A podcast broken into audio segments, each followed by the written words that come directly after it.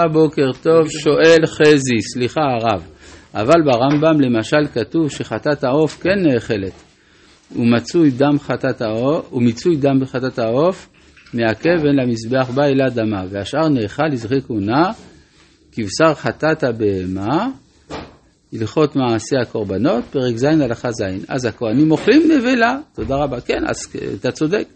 הם אוכלים כשזה אה, חטאת העוף, נכון. אז זה עוד יותר מחזק את דברי יחזקאל הנביא. יפה. שואל שני, בוקר טוב הרב, אם העוף תחת הבהמה, למה הפעולות הפוכות? הבהמה לפני השם, שחיטה צוואר, רחיצת הקרב פנים במים חיים. העוף לשם ומליקה עורף, השלכת הנוצות חוץ קדמה, אלא דשן אש מת אפר. תודה רבה ויום טוב. הפעול, הפעולות הפוכות, אתה אומר. אה, לא שמתי לב לזה, אבל אפשר להסביר שהבהמה באה מן האדמה והעוף בא מן השמיים. אז אולי זה בגלל זה הפוך, לא יודע. טוב, אנחנו ממשיכים בפרק ב' של ויקרא. אה, פסוק אה, י"א כל המנחה אשר תקריבו לשם לא תעשה חמץ. זהו, כלומר, היה מקום לחשוב, כיוון שזה סולת, הסולת בקלות יכול להפוך לחמץ עם קצת מים. אז כל המנחה אשר תקריבו להשם לא תעשה חמץ.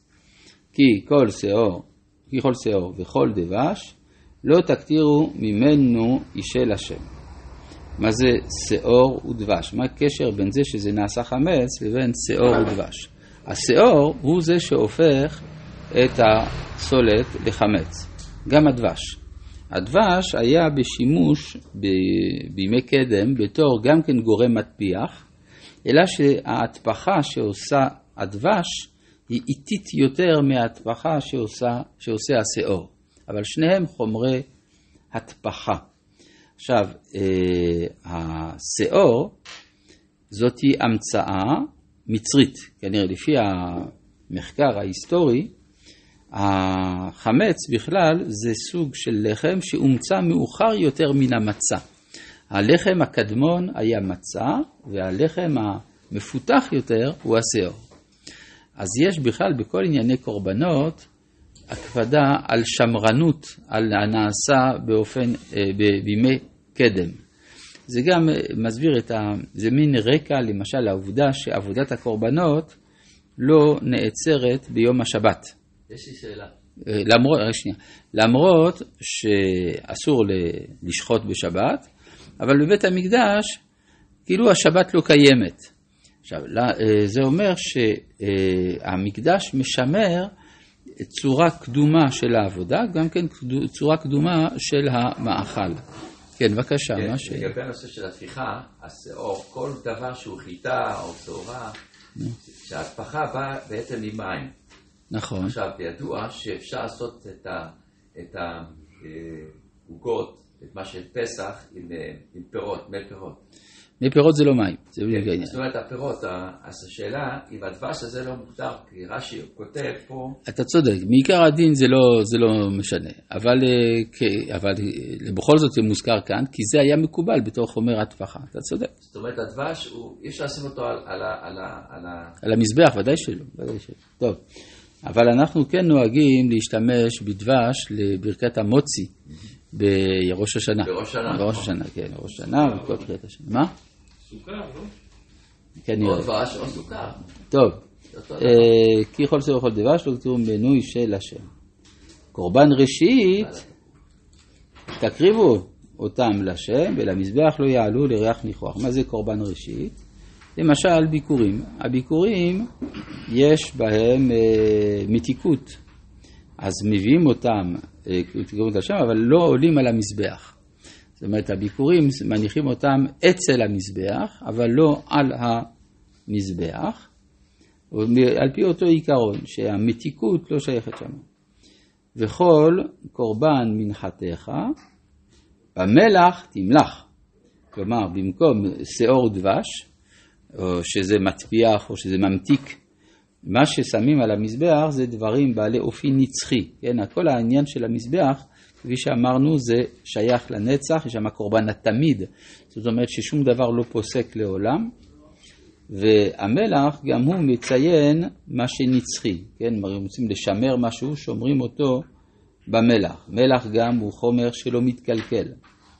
אז לכן ברית מלח זה אומר ברית נצחית. ולא תשבית מלח ברית אלוהיך. מעל מנחתך, על כל קורבניך תקריב מלח. ומזה גם המנהג לטבול את הלחם במלח. אה, לטבול את הלחם במלח בברכת המוציא. ולכן אה, לכאורה היה צריך להיות שיאסרו להשתמש בדבש לברכת המוציא בראש השנה, אבל זה לא קורבן, אז זה הכל בסדר. טוב, ואם תקריב מנחת ביקורים לשם, אביו, כלוי באש, גרס כרמל תקריב את מנחת ביקוריך. זאת אומרת שצריך לדאוג שה... שהחיטה שאותה אתה מקריב במנחת ביקורים, זה יהיה אה, לפני שזה מספיק להיות חמץ. ונתת עליה שמן ושמת עליה לבונה, מנחה היא, והקטיר הכהן את אזכרתה מגרסה ומשמנה על כל לבונתה אישה לשם. זאת אומרת, כל, פה יש לנו רשימה אחרונה, כלומר הסוג האחרון של מנחות. לפי זה אני חושב שיש לנו פה שבעה סוגי מנחות, כל אחד לפי טעמו. עד כאן לגבי המנחה והעולה. עכשיו אנחנו עוברים בפרק ג' לסוג אחר לגמרי של קורבן, זבח שלמים, ואם זבח של עמים קורבנות. העולה והשלמים הם מנוגדים זה לזה באופן מוחלט. העולה עולה, ואילו השלמים נאכלים. בעצם יוצא שכאשר אדם מקריב שלמים הוא לא מפסיד שום דבר, מלבד הטרחה להגיע עד האזהרה ולשחוט שם, אבל בסופו של דבר זה בדיוק כמו שהוא אוכל לעצמו בהמה שהוא שוחט בביתו. אלא שהתורה רוצה שכאשר אדם אוכל בשר, שזה ייעשה מתוך עילוי של האדם ולא מתוך נמיכות של האדם. וזאת למה? משום שכאשר אדם אוכל בהמה, הוא המית אותה. ואז עולה השאלה ששואלים ההינדואיסטים, מי אמר שהחיים של הבהמה פחות טובים מהחיים שלך. אתה שוחט בהמה בשביל שאתה תחיה. אין לזה הצדקה, לכן ההינדואיזם הוא צמחוני. כן, אילו, ואילו התורה אומרת לא, אתה יכול לאכול בשר אם אתה נעלה מן הפרה. איך אתה תהיה נעלה מן הפרה? כאשר את האכילה הזאת אתה עושה בתור, אה, בתור קורבן לשם. לכן גם אמרו חז"ל שעם הארץ אסור לאכול בשר אם לא בשבת. כן? כלומר, השבת, יש הזמן, הוא קדוש, ואז הוא מרומם את האכילה. אבל ביום חול, מה פתאום שיאכל בשר, וכי החיים שלו טובים מחיי הבהמה, כלומר הסברה ההינדואיסטית נמצאת גם אצל חז"ל. אז זה הקורבן של השלמים. עכשיו, זה, יש מחלוקת בתלמוד, האם בנוח יכול להקריב שלמים או רק עולה.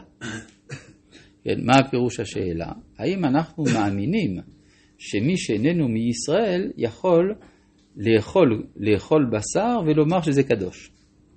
כן? הטענה הזאת מובאת בדבריו של הרשע בהגדה, שאומר מה העבודה הזאת? לכם ולא לא. כלומר, אתם מתכוונים, כשאתם אוכלים את קורבן הפסח, לעבודת עצמכם. אתה, אתם אוהבים בשר צלוי ולא מתכוונים לשם. כן? אבל מה עונים לו? בעבור זה עשה השם לי בצאתי ממצרים, לי ולא לו. כלומר, הקדוש ברוך הוא רוצה שאני, ש, שאני אעבוד אותו על ידי האכילה ההנאה של המעיים של אכילת הבשר.